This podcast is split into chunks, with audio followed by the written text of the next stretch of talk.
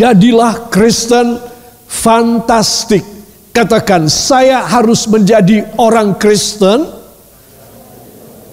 yang fantastik. Ya, saudara. Kenapa dikatakan fantastik, saudara? Fantastik adalah sesuatu hal yang istimewa, yang luar biasa. Ya, saudara. Nah, kalau saudara melihat latar belakang dari slide yang pertama ini, saudara, satu keluarga dia berjalan pada jalan yang kering, jalan yang dibuka oleh Allah.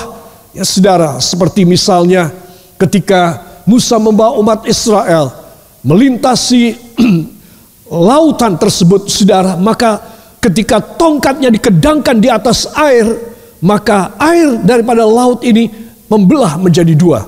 Ya, saudara. Dan di situ ada tembok-tembok air di mana umat Tuhan boleh berjalan dengan di daratan pada dasar yang kering, ya, saudara. Nah, ini fantastik. Ini spektakuler. Ini sesuatu yang ajaib. Ini sesuatu yang luar biasa. Kalau saya bertanya siapa yang ingin, semua ingin. Betul apa tidak? Halo, betul apa tidak? siapa yang ingin angkat tangannya, lambaikan. Tuhan Yesus, saya menginginkannya. Mujizat terjadi dalam nama Yesus. Beri tepuk tangan bagi dia. Haleluya. Itu sebab pada tema ini jadilah Kristen fantastik. Saudara, jangan Kristen fantasi, ya. Kristen fantasi ini mirip sama-sama funnya. Tetapi yang satu fantastik ya, yang satu fantasi. Ya saudara, nanti saya akan menunjukkan bedanya ada di mana. Ya saudara, jadi kalau fantasi itu percuma fantasi ini seperti ya sekedar untuk menampilkan style, fashion, model aja. Ya, tapi sebetulnya bukan. Saudara, ada orang memakai cincin, kalung, pakai cincin, kalung, gelang, uh, kebalik. Pakai gelang, kalung, eh, pakai kalung, gelang, ya fantasi saja, imitasi. Ya banyak orang Kristen imitasi. Tapi Tuhan ingin supaya Anda dan saya menjadi fantastik. Katakan fantastik. Bukan fantasi. Ya. Para kekasih itu sebab bagaimana fantastiknya kita orang. Saudara, pada kitab penutup dari Alkitab yaitu kitab Wahyu pasal 3 ayat yang ke-8, sebentar kita akan membaca, inilah yang dinamakan sebagai fantastik. Sesuatu yang mengherankan. Bahkan Tuhan pun heran kalau ada anak-anaknya yang fantastik seperti ini. Itu sebab saya dan saudara harus menjadi orang-orang Kristen yang fantasi atau fantastik. Fantastik ya, jangan lupa itu sebab para kekasih, saya ingin mengajak untuk kita membaca bersama di dalam Wahyu fase yang ketiga ayat yang ke-8. Tapi sebelumnya saya akan menjelaskan perbedaannya. Di dalam Yesaya fase yang ke-29 ayat 13 dan 14 di sini dikisahkan tentang orang-orang pengikut Allah, pengikut Tuhan yang fantasi, ya. Fantasi saja, Saudara. Jadi mereka tidak menjadi satu orang yang benar-benar yang istimewa. Itu sebab cuma model, cuma KTP saja, cuma penampilan, cuma topeng saja. Ya, kita memakai masker, tapi memakai ada yang memakai topeng. Ya, saudara. Ada yang memakai kalau uh, face shield itu kelihatan, tapi kalau topeng tidak kelihatan dalamnya. Ya, itu namanya topeng. Ya. Kristen fantasi. Saya tidak usah baca berhubung waktu, tetapi di sini kita melihat Tuhan mencela orang-orang Kristen yang hanya bisa tampil seperti orang Kristen.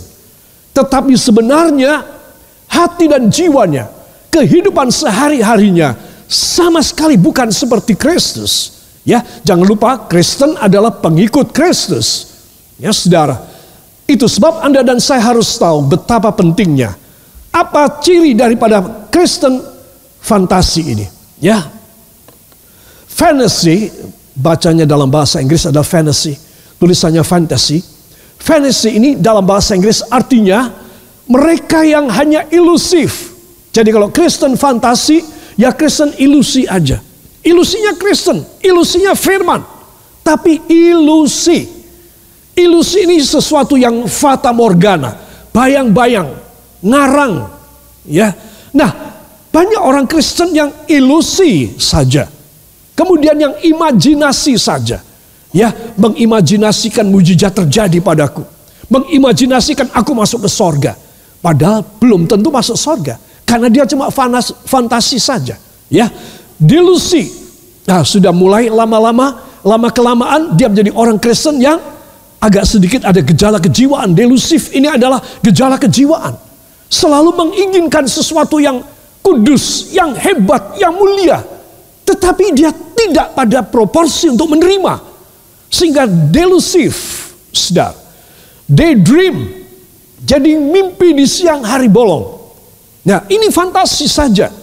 Sesungguhnya kalau menghadapi setan, menghadapi godaan, menghadapi segala serangan kuasa kegelapan, hancur lebur, tidak berbekas. Ya saudara, orang-orang Kristen yang hidup dalam impian yang fancy, ya impian-impian yang indah, fiksi, karangan-karangan, Ah kalau aku dijawab ya, aku menerima berkat Tuhan sekian miliar. Wah hebat sekali. Wah kalau aku dipakai untuk aku bisa berkhotbah luar biasa ya. Wah kalau pendeta juga banyak yang mempunyai fantasi. Wah kalau aku punya jemaat seratusan ribu, puluhan ribu. Sedar, itu semua tergolong dalam Kristen fantasi. Sedar, tapi nanti kita akan lihat Kristen yang fantastik Katakan yang fantastik. Bukan yang ngimpi. Tetapi yang real. Nyata. Dalam nama Yesus. Yang mau beri tepuk tangan bagi dia.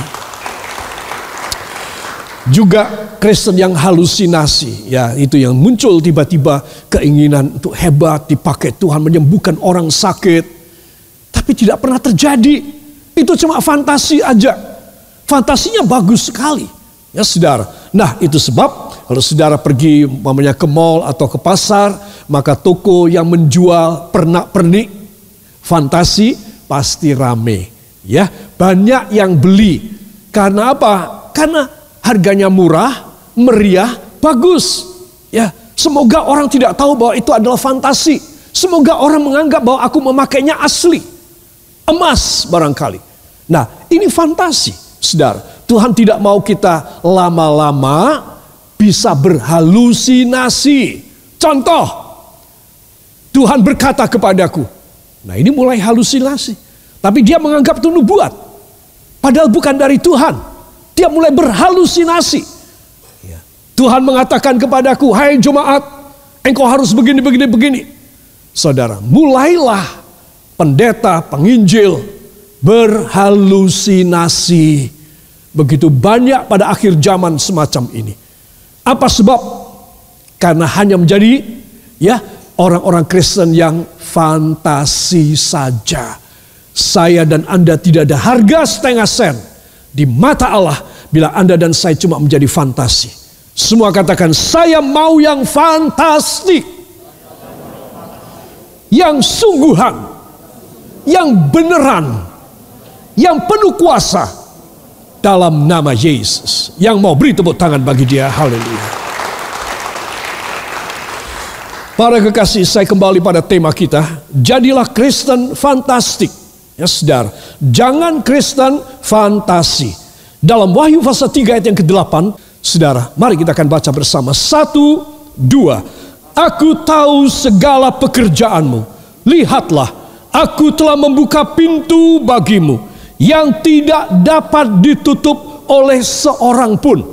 Aku tahu bahwa kekuatanmu tidak seberapa, namun engkau menuruti firmanku dan engkau tidak menyangkal namaku. Amin. Saudara yang kekasih, berapa puluh kali saudara sudah membaca? Berapa puluh kali kita membaca di gereja? saudara, ayat ini adalah ayat yang luar biasa untuk akhir zaman. Ya, jadi ada tiga kriteria yang istimewa yang menunjukkan orang yang sesuai ayat ini Wahyu 3 ayat 8 adalah orang yang fantastik. Ya saudara, jadi kita akan melihat segera apa maksudnya ayat ini menjadikan kita orang yang fantastik di mata Tuhan. Katakan fantastik harus di mata Tuhan bukan di mata manusia saja. Ya, para kekasih itu sebab saya perlu menjelaskan bahwa firman Tuhan adalah hal yang paling penting. Ya, nah, saudara yang kekasih, kenapa saya memberitahukan bahwa firman itu paling penting? So pada akhir zaman dari kitab Wahyu itu nanti kita akan melihat ada tiga macam pembukaan. Pertama tujuh meterai dibuka, kemudian tujuh sangkakala tujuh nafiri ditiup, dan yang ketiga tujuh bokor atau cawan yang dituangkan ke atas muka bumi dan alam semesta. Saudara, orang mendengar firman penting sekali. Penting apa tidak?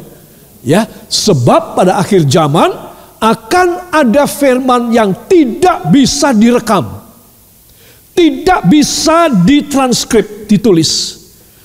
Ada firman yang hanya boleh didengar, diingat, dan tidak boleh ditulis. Apa maksudnya? Nah, itu sebab saya perlu agak mencuplik sedikit penjelasan tentang pentingnya Orang beribadah itu nomor satu firman. Ya, di dalam Wahyu pasal 10 ayat 1 sampai 10, Saudara, kita melihat tentang pembukaan tujuh meterai. Katakan pembukaan tujuh meterai. Saudara, di tengah-tengah pembukaan itu ada tujuh perkataan guruh. Guruh itu guntur, guruh, gluduk. Nah, tujuh gluduk. Gluduk ini mempunyai makna. Jadi geluduk ini mempunyai makna. Nanti besok kalau saudara mendengar geluduk pada akhir zaman, ya saudara, pada penghabisan zaman ini sebelum Tuhan datang, saudara yang kekasih, maka siapa yang bisa mengartikan dan menangkap kata-katanya? Masa geluduk bisa ada bahasanya, ada perkataannya, ada pesannya. Nah, ini di sini. Jadi siapa yang bisa mendengar, dia orang yang harus menyimpan di dalam hatinya. Dia mau menuliskannya, ah tak tulis supaya aku tidak lupa. Tidak bisa. Aku mau rekam dengan gadgetku. Tidak bisa. Jadi ada firman yang hanya didengar dan disimpan dalam hati orang. Kita dan kita semua, saya dan Anda, kita memasuki masa di mana kita melatih diri. Sebab nanti firman tidak bisa direkam baik oleh kamera, baik oleh gadget, ya saudara, baik oleh tape recorder, tidak bisa di video, saudara. Akan tiba waktunya di mana firman ini sangat mahal harganya. Hanya mereka yang mendengar saja dan menyimpan dalam hatinya, mereka diselamatkan. Coba, sekarang begitu bebas. Tetapi kebebasan tidak dipergunakan oleh jemaat-jemaat Tuhan, oleh hamba-hamba Tuhan, oleh anak-anak Tuhan, oleh para penginjil dengan baik. Sudah, kita harus berubah. Sebab ketika ada tujuh meterai dibuka, maka disisipi dengan tujuh bunyi guruh yang membawa pesan rahasia. Katakan pesan rahasia yang tidak boleh didokumentasikan. Aneh ya, kenapa tidak boleh didokumentasikan? Karena top secret. Kalau saudara tahu tentang dunia intelijen, tentang tata negara, kerahasiaan kepala negara, wah saudara, itu hebat.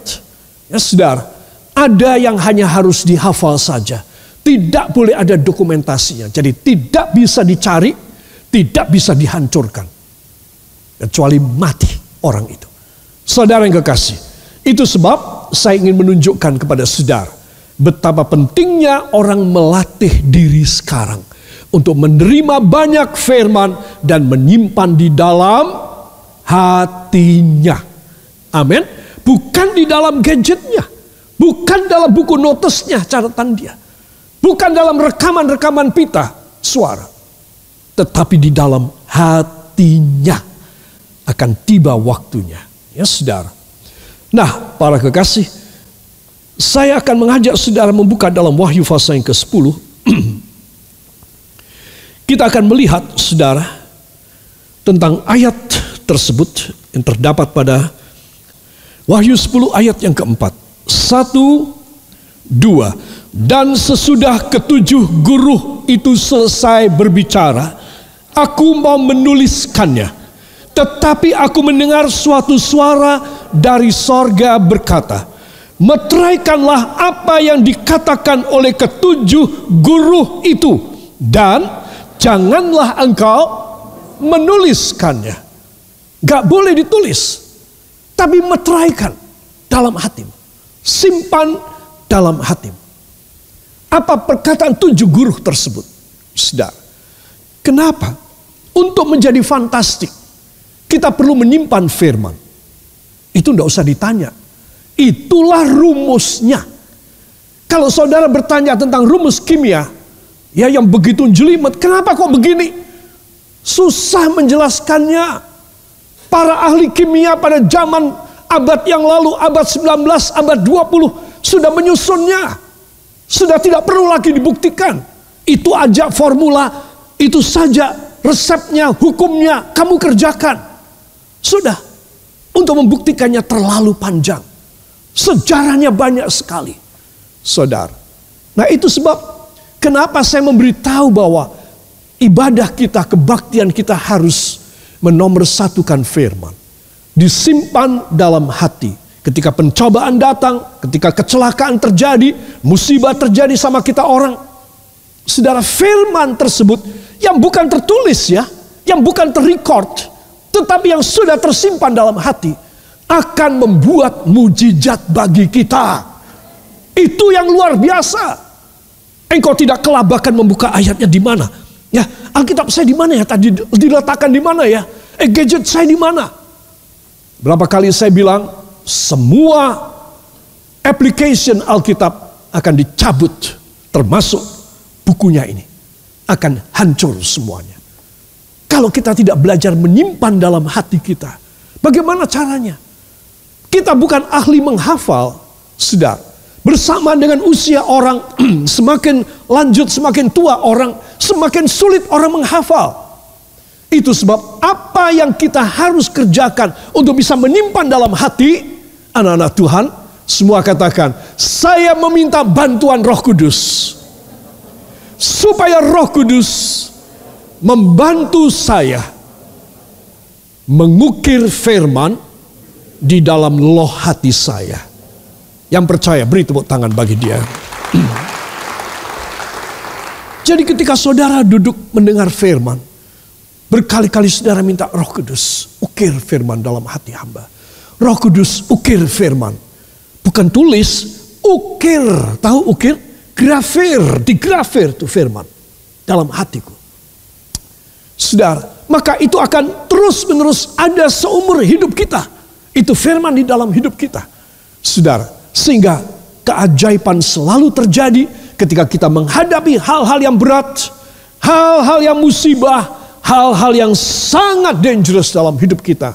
Firman kembali bersuara, firman kembali bekerja, firman melakukan mujizat. Yang percaya beri kemuliaan yang baik bagi dia. Saya tuliskan itu tidak boleh ditulis. Yohanes Rasul Yohanes tidak boleh menuliskannya, tetapi harus dimetrai.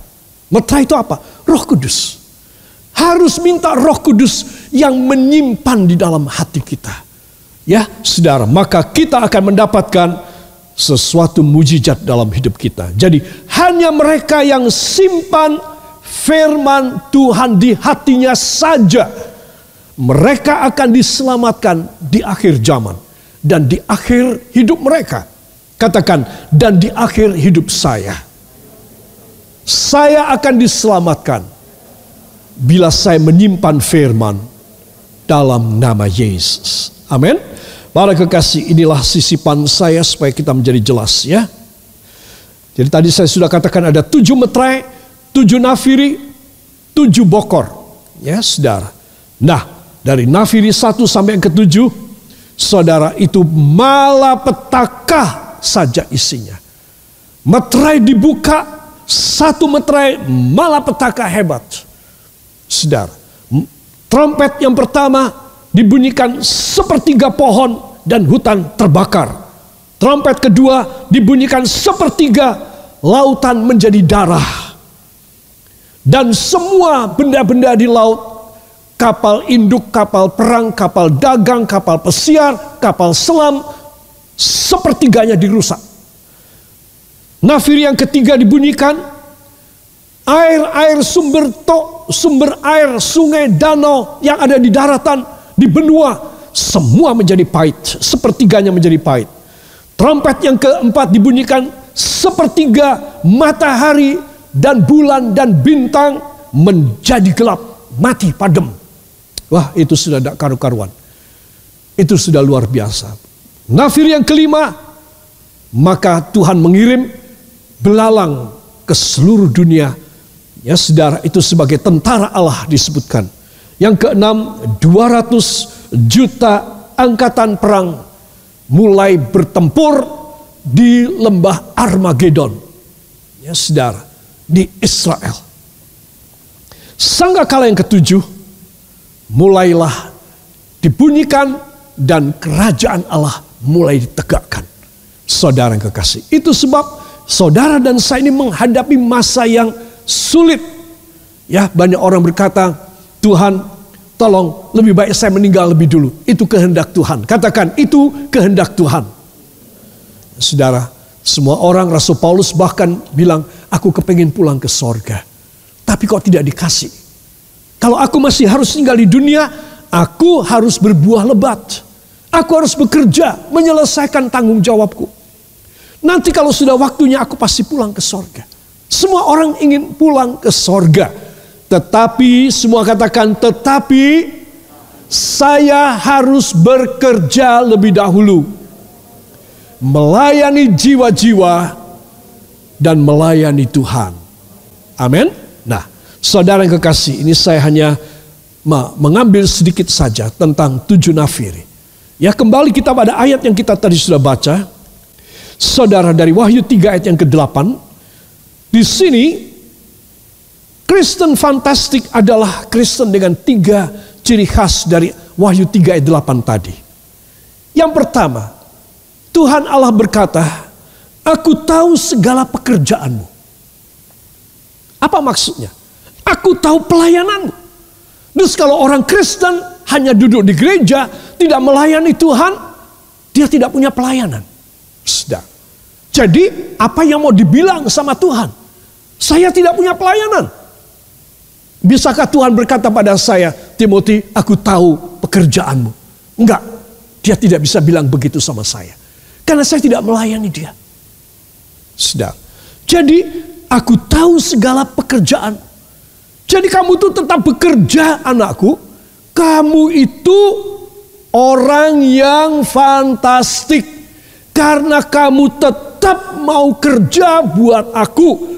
Susah, setengah mati, miskin, atau kelimpahan.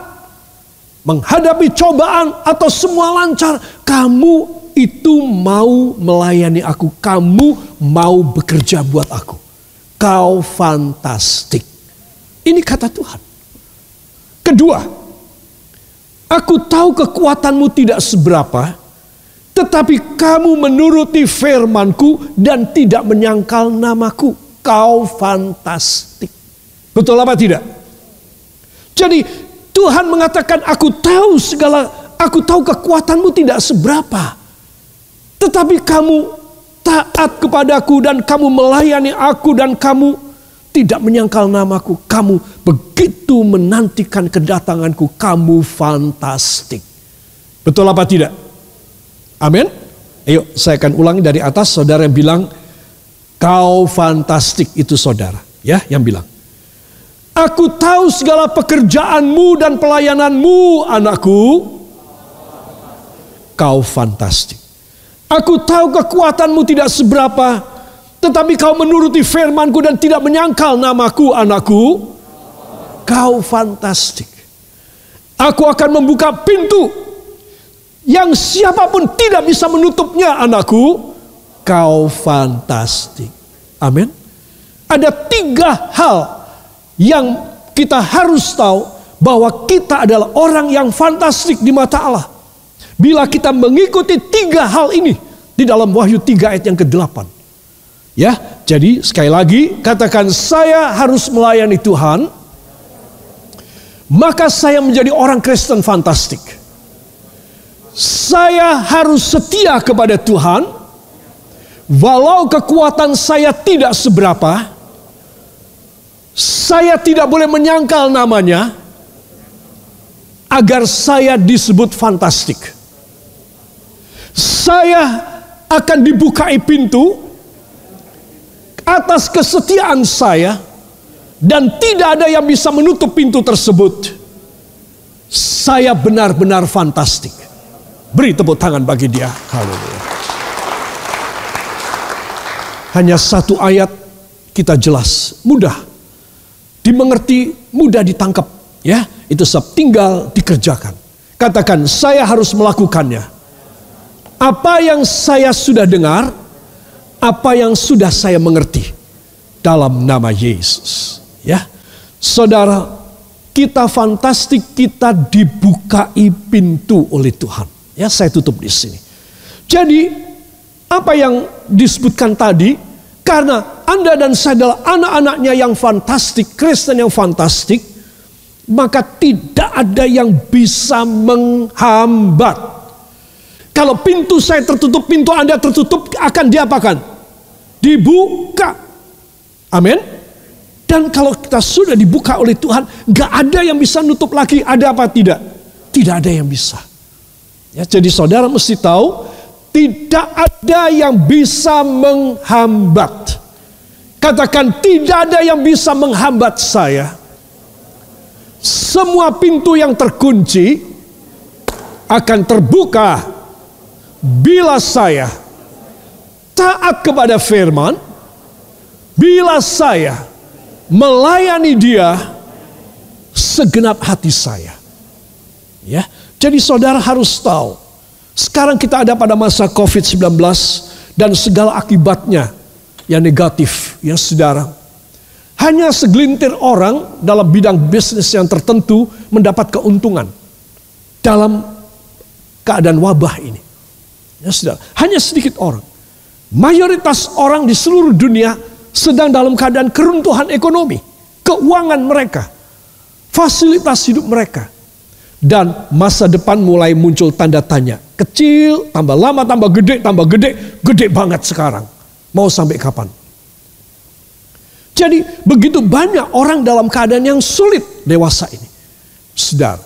Itu sebab Anda dan saya harus tahu gimana caranya di masa yang sulit ini aku tidak terhambat sudah terlanjur sekian bulan ada hambatan ada kemandekan, ada kemacetan, ada kerugian. Sekarang aku harus dapat terobosan. Katakan terobosan ilahi. Malam ini harus saya dapat dalam nama Yesus. Saudara. Itu sebab Filipi 1 ayat yang ke-6 mengatakan, dia yang sudah memulai pekerjaan yang baik di dalam kita, dia akan melanjutkannya sampai selesai pada hari kedatangan Tuhan. Yang percaya beri tepuk tangan bagi dia. Jadi saudara pegang ayat ini Filipi 1 ayat 6. Tuhan engkau sudah menaruh benih iman. Katakan benih iman di dalam hati saya. Harus bertumbuh dan berbuah sampai akhir hidup saya. Yesus yang memulai, Yesus yang mengakhiri, mencabut nyawa saya, membawa saya ke sorga. Yang percaya beri tepuk tangan bagi dia. Haleluya.